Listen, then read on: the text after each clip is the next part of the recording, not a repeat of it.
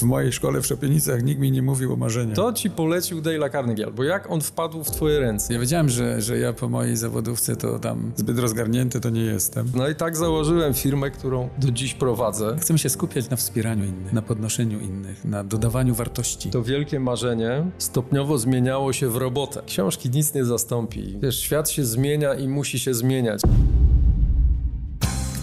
Bogdan Smolosz przedstawia Kochaj, służ, dbaj. Zachęta pełna inspiracji, troski i zainteresowania. Serdecznie Państwa witam. To dzisiaj jest niezwykły dzień. Dzisiaj moim gościem jest wyjątkowa postać. Najbardziej bodaj znany głos lektora w polskich audiobookach. Ale o tym wszystkim opowie nasz gość Tomasz Kućma.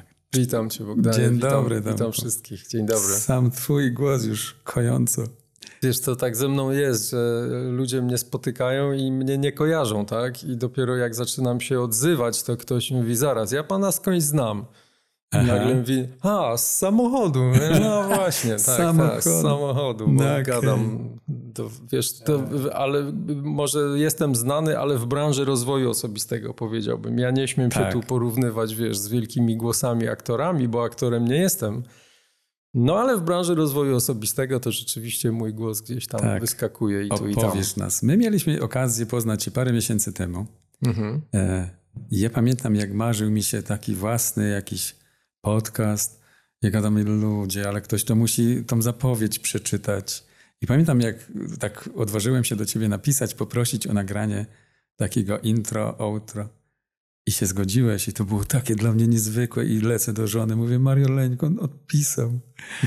I to, I to nam się udało. I później się zobaczyliśmy jeszcze e, w Mikołowie, tam gdzie blisko mieszkasz. E, Ciekawi mnie geneza e, twojej historii, twojego zaistnienia w branży, czy to medialnej, czy, czy jako głosu. Jakie lata ty identyfikujesz do tego, kiedy to się rozpoczęło i jakie były początki? Wiesz co, no w mediach to, to w ogóle były. To ciekawe jest pytanie, bo y, to się wszystko zaczęło jeszcze w czasach licealnych moich, ale ważne, że te czasy licealne przypadły na lata 80., potem studia, czyli przełom lat 80. i 90. Dlaczego to jest istotne? Wtedy e, ja, ja w ogóle uwielbiam muzykę. Muzyka Okej. była szalenie ważna dla nas w tamtych czasach, tak? O, w tej tak. siermiężnej Polsce szaro-burej. Genialna muzyka, która wtedy powstawała, była wielką wartością. Tak? Nagrywały się kasety gdzieś tam, jak ktoś miał płytę, to już był Dalej Bogiem, nagrywam. prawda? I wtedy takimi przewodnikami do Boga byli DJ-e radiowi, prawda? Mhm. Prezenterzy. No, wielkie gwiazdy, Marek Niedźwiecki, Tak, tak, tak. Wojciech Mann i, i wielu innych, Kaczkowski oczywiście. No i my wszyscy wtedy słuchaliśmy ich z, z nabożeństwem, nagrywając te piosenki, które oni puszczali na jakieś magnetofony kasetowe, więc nie dziwota, że mnie się marzyło być kimś takim, Ach, tak. bo ja czułem, że muzyka jest dla mnie ważna i jest Mhm. cały czas. No i yy, wiesz, to było też tak u mnie, że ja miałem w ogóle być kim innym w życiu, ale przyszedł Aha. taki moment rozstajnych dróg, jak dziś pamiętam, musiałem podjąć decyzję. Zdecydowałem się na studia na filologii angielskiej, a nie na medycynie, Aha. jak miałem początkowo studiować, bo ten angielski też mi zawsze dobrze szedł i miałem z tyłu głowy to, że ang- anglistyka mi się przyda w pracy radiowca, No prawda? tak. Bo wtedy już zacząłem o tym naprawdę myśleć. Potem zadzwoniłem, pamiętam kiedyś e, była audycja w Trójce prowadzona przez Jerzego Janiszewskiego, już nieżyjącego, wspaniałego Mhm. też z, Lublinie, z Lublina dziennikarza. E, I, I ja z nim porozmawiałem, czy to jest w ogóle realne marzenie, czy, czy, Aha. czy się nie oszukuje, a on mnie podbudował wtedy. Mówi, tak, niech pan, niech pan absolutnie walczy, dobrze, że pan Super. studiuje tę anglistykę, niech pan znajdzie jakieś radio studenckie, usiądzie tam przed mikrofonem, to pan zobaczy, czy to ma sens, czy nie. Aha. No i ja tak zrobiłem rzeczywiście. Na trzecim roku studiów trafiłem do studenckiego radia Rezonans tutaj w Sosnowcu, bo ja tu Mhm. studiowałem na Uniwersytecie Śląskim i tam niesamowita ekipa się znalazła. Wiesz, też do dziś pamiętam, jak pierwszy raz przyszedłem tam na taką próbę z płytą pod pachą. Gdzieś tam zasiadłem, zaświeciła się ta czerwona lampka. Ja Mhm. przeczytałem tekst, który tam sobie przygotowałem o tej płycie. No i wszystkim się spodobało. Ale Tak? Wszyscy byli zadziwieni w ogóle, więc tam szybko dosyć do, za, zacząłem pracować i tworzyć tam takie audycje. No to były, wiesz, czasy jeszcze, kiedy studenckie radia nadawały po prostu po kablach do W akademików, Węźle. tak? To nie była Okej. stacja FM, tylko takie Aha. kołchoźniki mieliśmy w akademikach i, i, i przez to tam nadawaliśmy Aha. przez kilka godzin. Ale to była świetna szkoła, bo to, wiesz, to był profesjonalny mikrofon, to były to jeszcze Super. takie magnetofony, Tak. ale takie profesjonalne, dokładnie Taskamy takie jak w radiu, więc się uczyliśmy montowania taśmy i tak dalej, i tak Mhm. dalej. No to archeo zupełne. Ale takie, takie były początki. No i wiesz, złapałem tego bakcyla i dlaczego to też był ważny moment, bo za chwilę przyszły lata 90., tak? Mówię o roku 91-2, czyli to był początek wolności gospodarczej w Polsce. Mhm. Tak było. Nagle eksplodowały pomysły na to, co możemy robić, żeby zarabiać. Każdy zakładał jakieś firmy. I to był też początek komercyjnych stacji radiowych w Polsce. Coś nie do pomyślenia, Pamiętam. prawda? My cały czas byliśmy Początki wychowywani na radiu polskim, tak? Państwowym, a tu nagle okazało się, że można sobie wymyślić swoje radio, zacząć nadawać i tak y, zaczęło działać radio Flash FM tutaj w Pamiętam. Gliwicach, prawda? I ja przez znajomych z Radia Katowice trafiłem do tej ekipy, która tego w tym 92 roku uruchamiała to radio. Mhm. No i tam byłem jednym z pięciu prezenterów takich głównych i, i, i no to było spełnienie marzenia Szaleństwo. z dzieciństwa, prawda? Takie, że rzeczywiście Okej. zasiadałem przy podobnym mikrofonie przez pięć godzin na dobę. Wiesz, tylko później to też było ciekawe, bo to wielkie marzenie stopniowo zmieniało się w robotę. Bo teraz Mhm. wyobraź sobie, że okej, uwielbiasz to Marzenie robić, się prawda? spełniło. Marzenie się spełnia, że, że ja kocham to robić, tralalala. No dobrze, tylko że jak musisz to raz robić o 5 rano, innym razem o 19, następnego dnia o 14, siedzisz 5 godzin przed takim mikrofonem i cały czas wszystko wisi na tobie. Masz jeden dzień wolnego w tygodniu, każdy weekend pracujesz, bo masz swoje audycje, bo lista Mhm. przebojów, bo coś tam, tak? Inni mają Aha. wolne, jadą gdzieś tam, spotykają się z rodziną, a ty wiesz, że o 15 musisz wyjść, bo o 19 jest program. No to po paru latach takiego szalonego życia to niestety zmęczyło mnie, tak? Przyszła było codzienność. Coś innego, no właśnie, no szalony tryb życia związany był z tą pracą. I i- więc to się, to się też we mnie wypaliło później, ale tutaj też ciekawa rzecz, e, taka historia e, pewnie cię zainteresuje. Jak to się stało, że zacząłem tłumaczyć Najbardziej. Prawda? Tak. E, widzisz, ja w tamtych czasach już właśnie szukałem czegoś innego, prawda? Skoro Mhm. moje marzenie stało się robotą, to byłem otwarty na jakiś inny pomysł. To był rok 95, jakoś tak, szósty.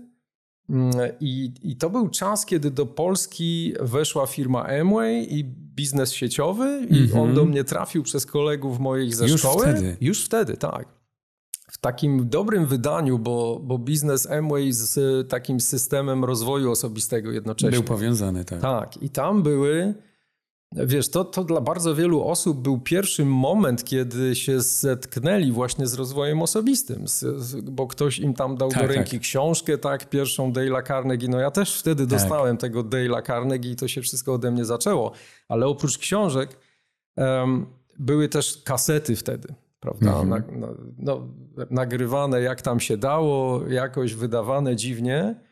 No i e, tych kaset wtedy słuchaliśmy, to też było takie dziwowisko, bo nagle ktoś mówi o marzeniach, o tym, żeby Okej. mieć cele, że wszystko może, No, że tego nam nie przedsiębiorczość, prawda? To w ogóle była kompletnie inna bajka. Nie wiem, jak ty miałeś też takie zetknięcia w latach Eee. 90. Ciekawe? Może to było trochę później. Ja w 90 roku już miałem e, piekarnię. Aha. e, Już prowadziłem i chyba z tamtych lat mam właśnie jakieś pierwsze... Mm, jak, nie wiem, czy to już wtedy było. Ja teraz odszukałem te książki dopiero po czasie. Mhm. Mm, Jak zyskać przyjaciół, zjednać sobie ludzi. Tak. E, A pamiętasz skąd tę książkę, nie wiem, dostałeś ją, kupiłeś ją sam, ktoś ci ją polecił, bo to jest bardzo ciekawa właśnie historia. Kto ci polecił Dale'a Carnegie, albo jak on wpadł w twoje ręce? Bo to jest często początek tej drogi dla ludzi. Ja kupiłem. Sam Ja, dla mnie był ważny. Ja wiedziałem, że, że ja po mojej zawodówce to tam zbyt rozgarnięty to nie jestem.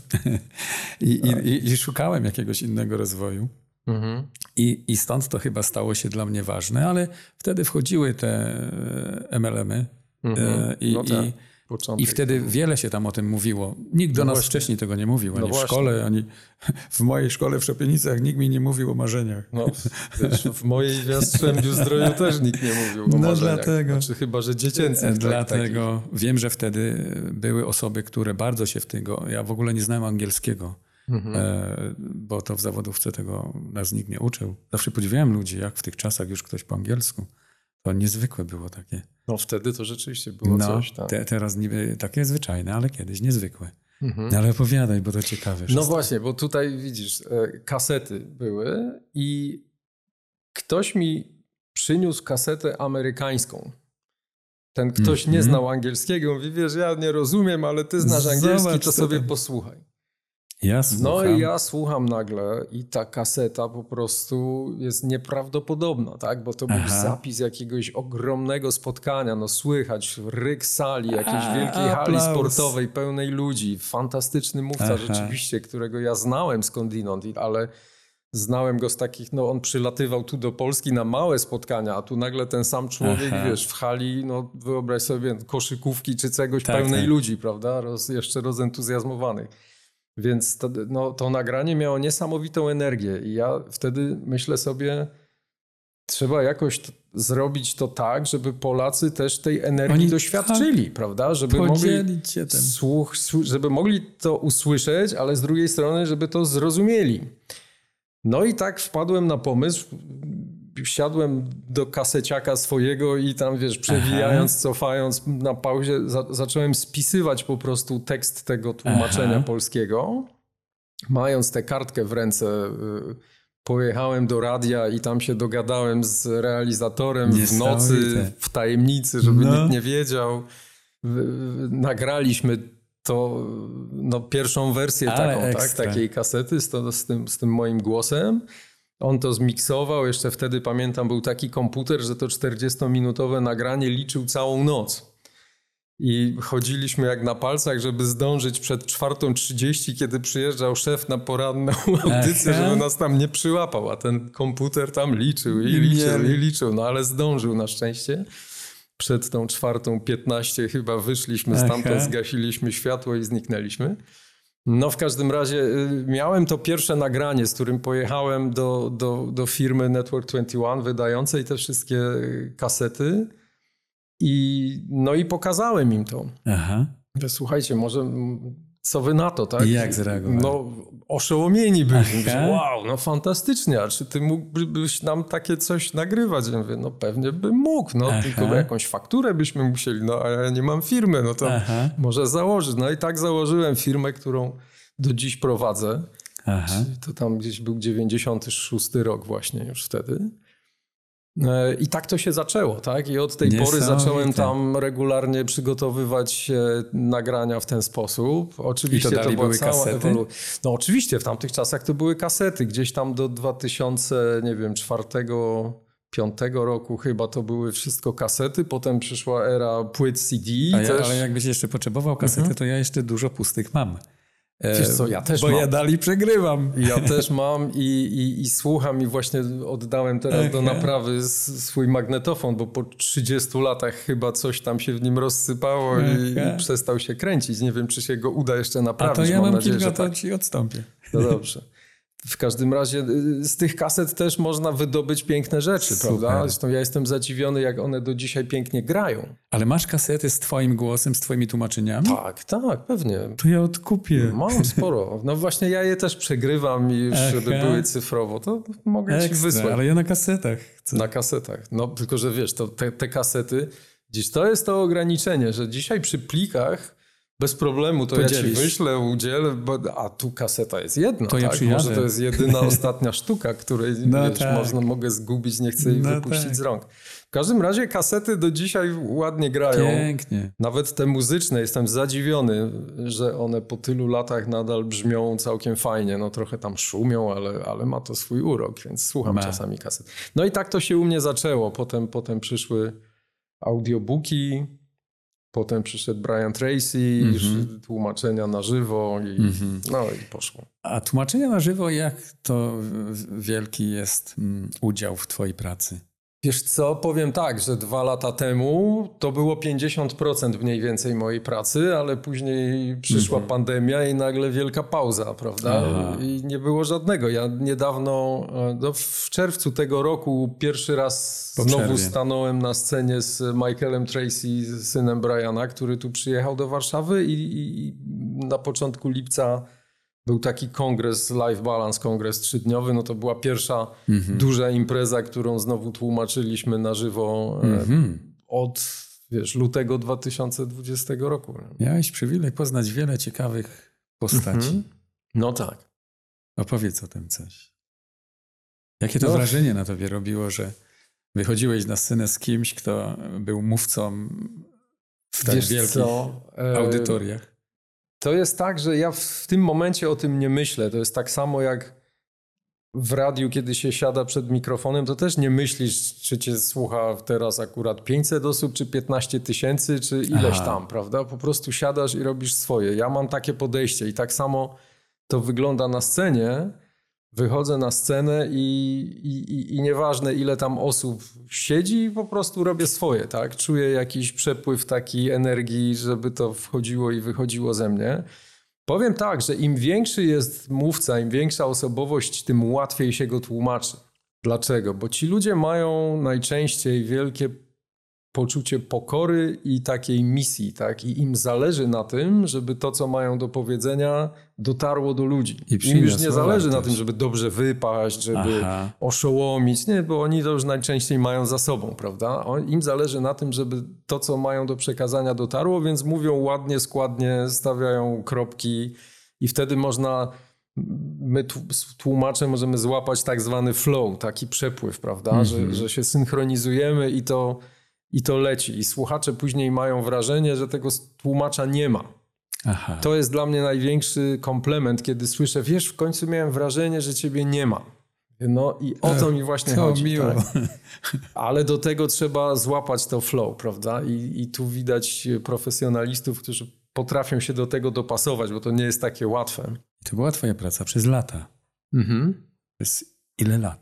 Przez ile lat? Wiesz co, te tłumaczenia, no to się zaczęło jeszcze też tam gdzieś w latach 90., potem miałem przerwę i później się pojawił e, znowu tłumaczenia dla Network 21, a później no, Brian Tracy zaczął przyjeżdżać do Polski. Ja poznałem ludzi, którzy go tu sprowadzali. Oni mnie zobaczyli na jednej z tych e, imprez właśnie Network 21, też z fantastycznymi mówcami.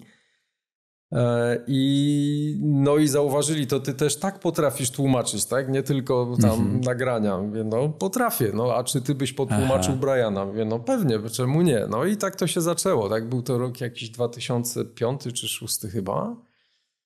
No i jak już zaczęliśmy, to zostałem nadwornym Aha. tłumaczem Briana i, i, i dzisiaj to już, no dzisiaj już nie przyjeżdża, ale, ale online się przynajmniej czasami widujemy Mhm.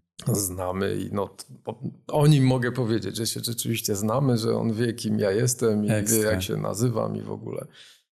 No na pewno tych postaci było sporo.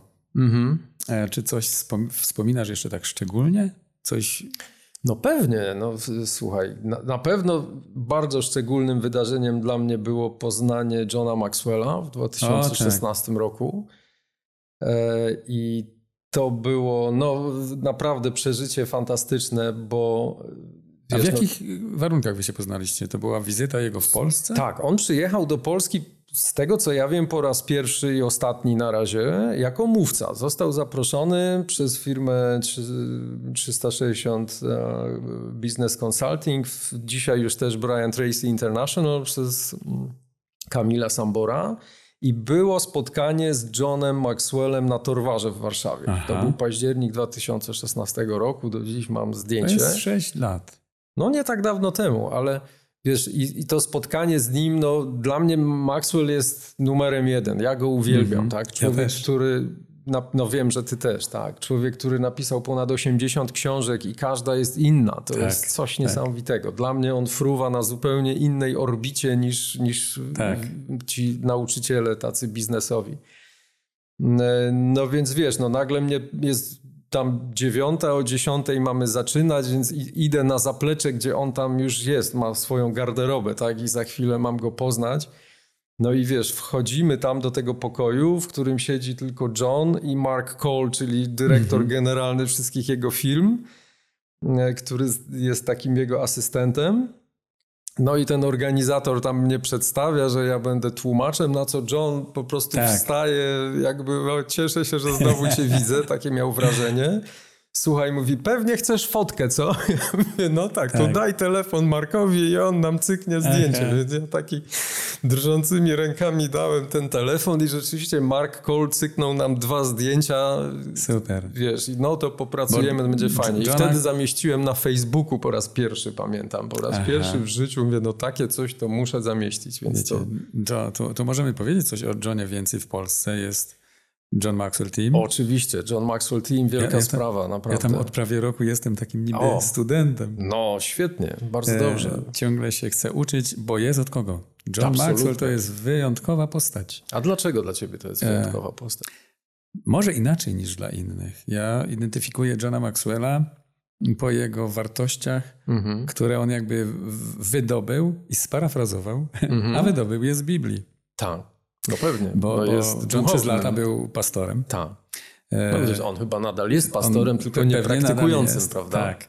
Czyli to jest e, postać zbudowana na wartościach. Mhm. I misją jego życia jest przekazanie tej wartości dalej. I stworzą się z tego różne grupy ludzi, które no, to akceptują i chcą to rozdać. Jest pełno różnych ciekawych rzeczy, jak stoły transformacyjne, grupy działania, czy, czy te, tego jest mnóstwo i to zmienia świat, zmienia ludzi, Tak, ale zmienia widzisz, uczestników. słusznie zauważasz. Natomiast popatrz, jaka to jest niesamowita też historia i sytuacja, jak się tego typu zjawiska rodzą. E, John Maxwell kiedyś był po prostu pastorem, który jeździł na jakieś konferencje Tak, pastorów, tak. gdzie oni się wymieniali spostrzeżeniami, metodami prowadzenia i rozwijania kościołów, bo to, tam u nich trochę inaczej Tak. funkcjonuje niż w katolickim kościele. E, Po jakimś czasie John zaczął mieć swoje wykłady, prawda? I, I ktoś go zapytał, czy on mógłby to nagrać. Mhm. I w tym momencie on, nie wiedząc, nie mając zielonego pojęcia o tym, czy da radę Tak. w ogóle, i powiedział, że tak, że mógłby stworzyć nawet taki program regularnych nagrań. Bo Mhm. Będę to, ci wysyłał. Będę ci wysyłał te kasety i nagle musiał to wymyślić, prawda? Aha. I to był początek jego drogi jako tego nauczyciela. Tak. Tak, to, ale to był taki Genialne. moment, gdzie on stojąc na mównicy przed kilkuset Tak. słuchaczami musiał powiedzieć, tak, zrobię to w jednej Mm. sekundzie, prawda? Podjąć tę decyzję, która Mhm. potem no, w zasadzie odmieniła całe jego życie i doprowadziła do tego, co dzisiaj mamy. John Maxwell Team, zmienianie świata, tak, Tak. przez tworzenie liderów, no to Pozdrawiamy genialne. Iwonkę i Tak, Renię. Iwonę, wszystkich tam, tak, Dorotę. No tak. No wiecie, to są niezwykłe rzeczy. One zbierają ludzi. Kiedy ja trafiłem do John Maxwell Team, ja gadam, co to za ludzie w ogóle? To Dziwnie, zupełnie jest prawda? inaczej. Inna bajka. E, To jest inny świat. Ja chcę brać w tym udział. Mhm. Ale co Chcę cię się- tam urzekło? Chcę się z Ciekawe. nimi zaprzyjaźnić. Dlaczego inny świat? Każdy z nich, czy chciałbym powiedzieć teraz i, i ja już tam, e, ch chcemy się skupiać na wspieraniu innych, na podnoszeniu innych, na dodawaniu wartości. Dodawaniu wartości właśnie. I, I to jest takie jejku ekstra. Chciałoby się, żeby to rosło i rosło i, i, i te Mhm. wszystkie nowe projekty o Change Your World, to takie wszystko jest zmieniające świat. To, Tak. to, I ludzi. Wiesz, świat się zmienia i musi się zmieniać. Ja mam takie powiedzenie, szczególnie od czasów pandemii, ale nie tylko. Zmienia się i niech się zmienia. I, I tu zawsze ważni są tak zwani agenci zmiany, prawda? Mhm.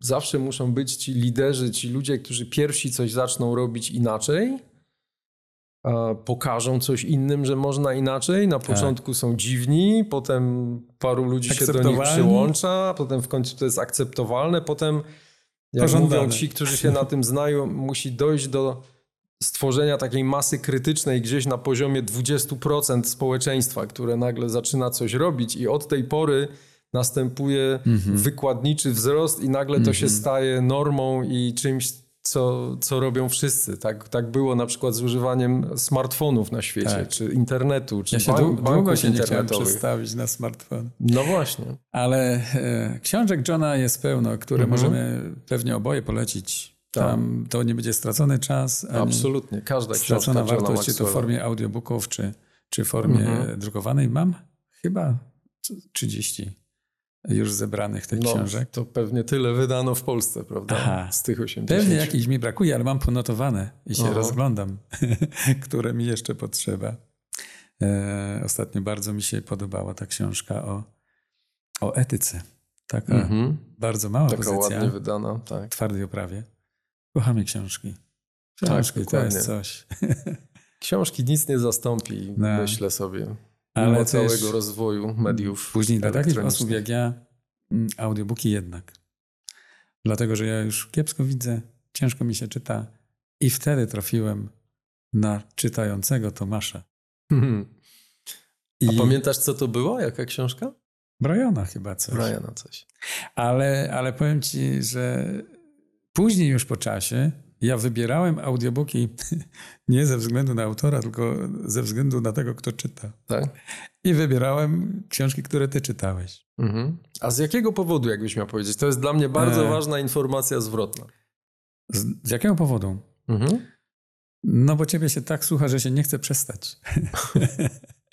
to, to głos jest tak... Wiesz, ja, ja jak szukałem dla siebie nagrania do, do zapowiedzi podcastu, to ja nie pisałem do wielu e, lektorów. Ja pisałem tylko do ciebie, Mhm. bo, bo jakoś nie zależało mi, żeby to było tylko, żeby było. Nie? Zależało mi, żeby to byłeś ty. Mhm. No i, i to jest niezwykłe. Ja myślę, że ty wnosisz tyle wartości tym czytaniem audiobooków i tym, że ludzie mają przywilej to słuchać. Powiedz mi proszę, czy ty wiesz, ile ty nagrałeś tych audiobooków? Dobre pytanie. Wiesz, że ja nie, nie prowadzę takiej listy dokładnej. No będzie tego z kilkadziesiąt, pewnie z 40-50 w sumie. Nie wszystkie one są z branży rozwoju osobistego, Mhm. bo na przykład ostatnio sporo nagrałem biograficznych rzeczy Aha. albo takich tekstów.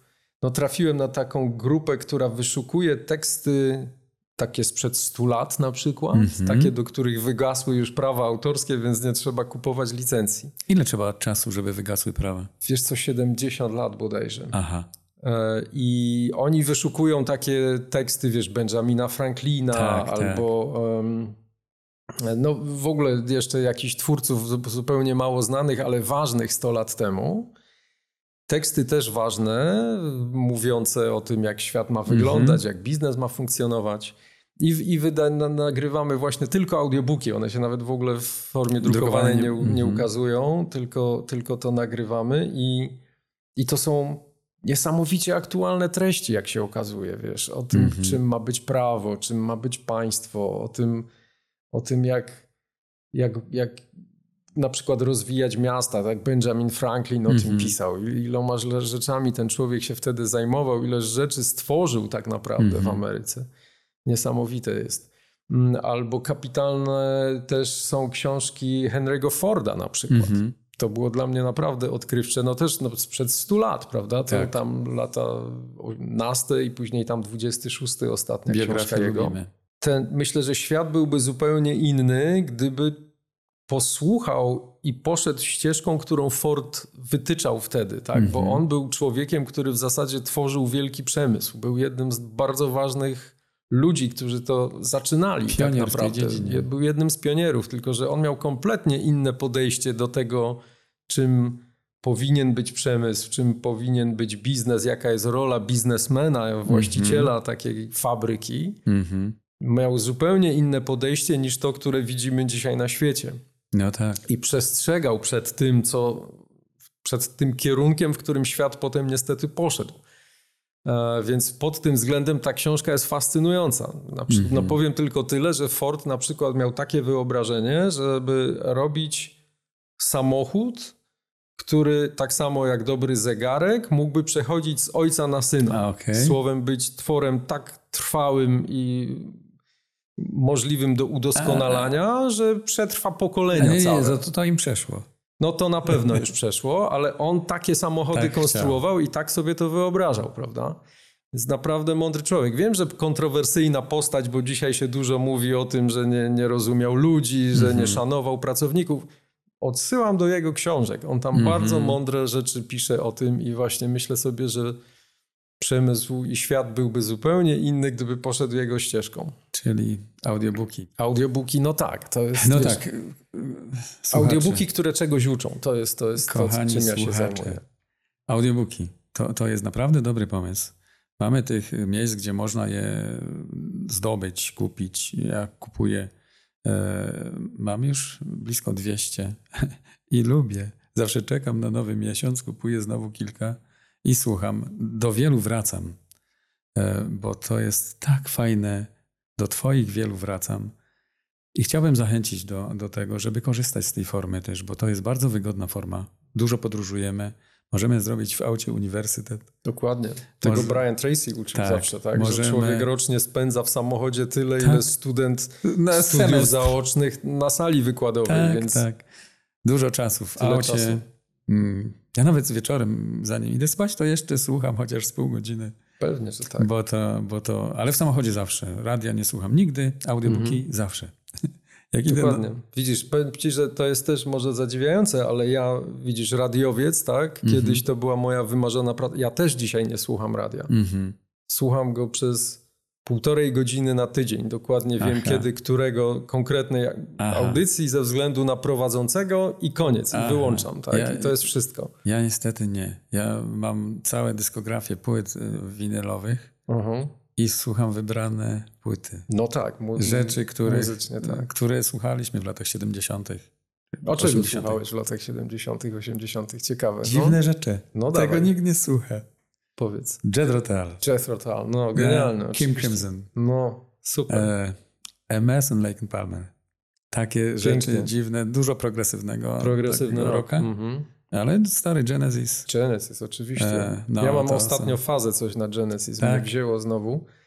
Gdzieś tam sobie przypominam w weekendy wieczorami, ale podoba mi się bardzo, że dzisiaj um, jest YouTube, Aha, a na nim jest mnóstwo genialnych, po pierwsze, koncertów, tak, tak. po drugie, e, dokumentów, Aha. wywiadów z muzykami. Aha, e, czy wypowiedzi ludzi, którzy się znają na tym i mówią mądre rzeczy, Mhm. opowiadają historię, tak? Ludzie, którzy brali udział w nagraniach, czyli na przykład producenci nagrań, opowiadają kapitalne rzeczy na temat Mhm. Tak. tego, jak powstała ta muzyka, której potem słuchaliśmy. także To są dla mnie genialne tak, płyty, rzeczy, tak. Ja historie. mam kilka Mhm. gramofonów, wszystkie podpięte pod różne Super. wzmacniacze. Wow, to jesteś audiofilem, no brawo. Nie chyba. No tak słuchaj, prostu. kilka gramofonów podpiętych pod różne Płyt, e, wzmacniacze. Ale kupu, kupowałem nawet oryginalne taśmy na szpulach. Aha, E, tak jak wychodziły win, winyle, to wychodziły też taśmy na duże szpulowe. tak.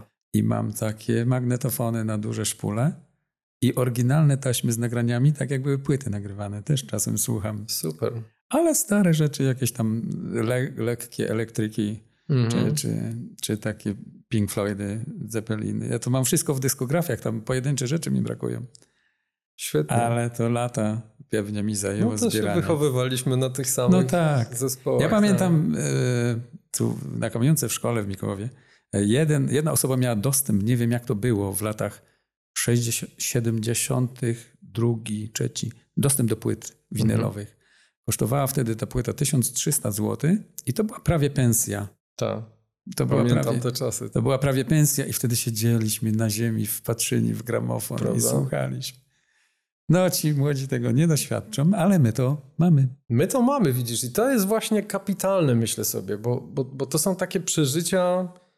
em, no na przykład, widzisz, młodzi Niemcy, czy Anglicy, czy Amerykanie nie, nie potrafią pojąć tego, ja- jak my byliśmy podekscytowani tym, że Tak. jedna osoba na ośmiu miała płytę, prawda? Tak, I tak, się przychodziło i słuchało albo przegrywało No, potem na kasety. I... Chodziliśmy z zetka magnetofonami No całymi, żeby ze szpuli na szpulę przejść. Dokładnie, jak, jak wiesz, ceniliśmy No tak. te, te, te rzeczy, które dla nich były czymś normalnym. No, szli Mhm. sobie do sklepu i kupowali, tak? A my musieliśmy to sprowadzać gdzieś tam, Tak. prawda? Marynarze przywozili. Marynarze, piloci, tam różne No. rzeczy. No, na Śląsku to mieliśmy te kanały, bo zawsze ktoś Tak. miał kogoś w Niemczech, więc Tak. tam przysyłali.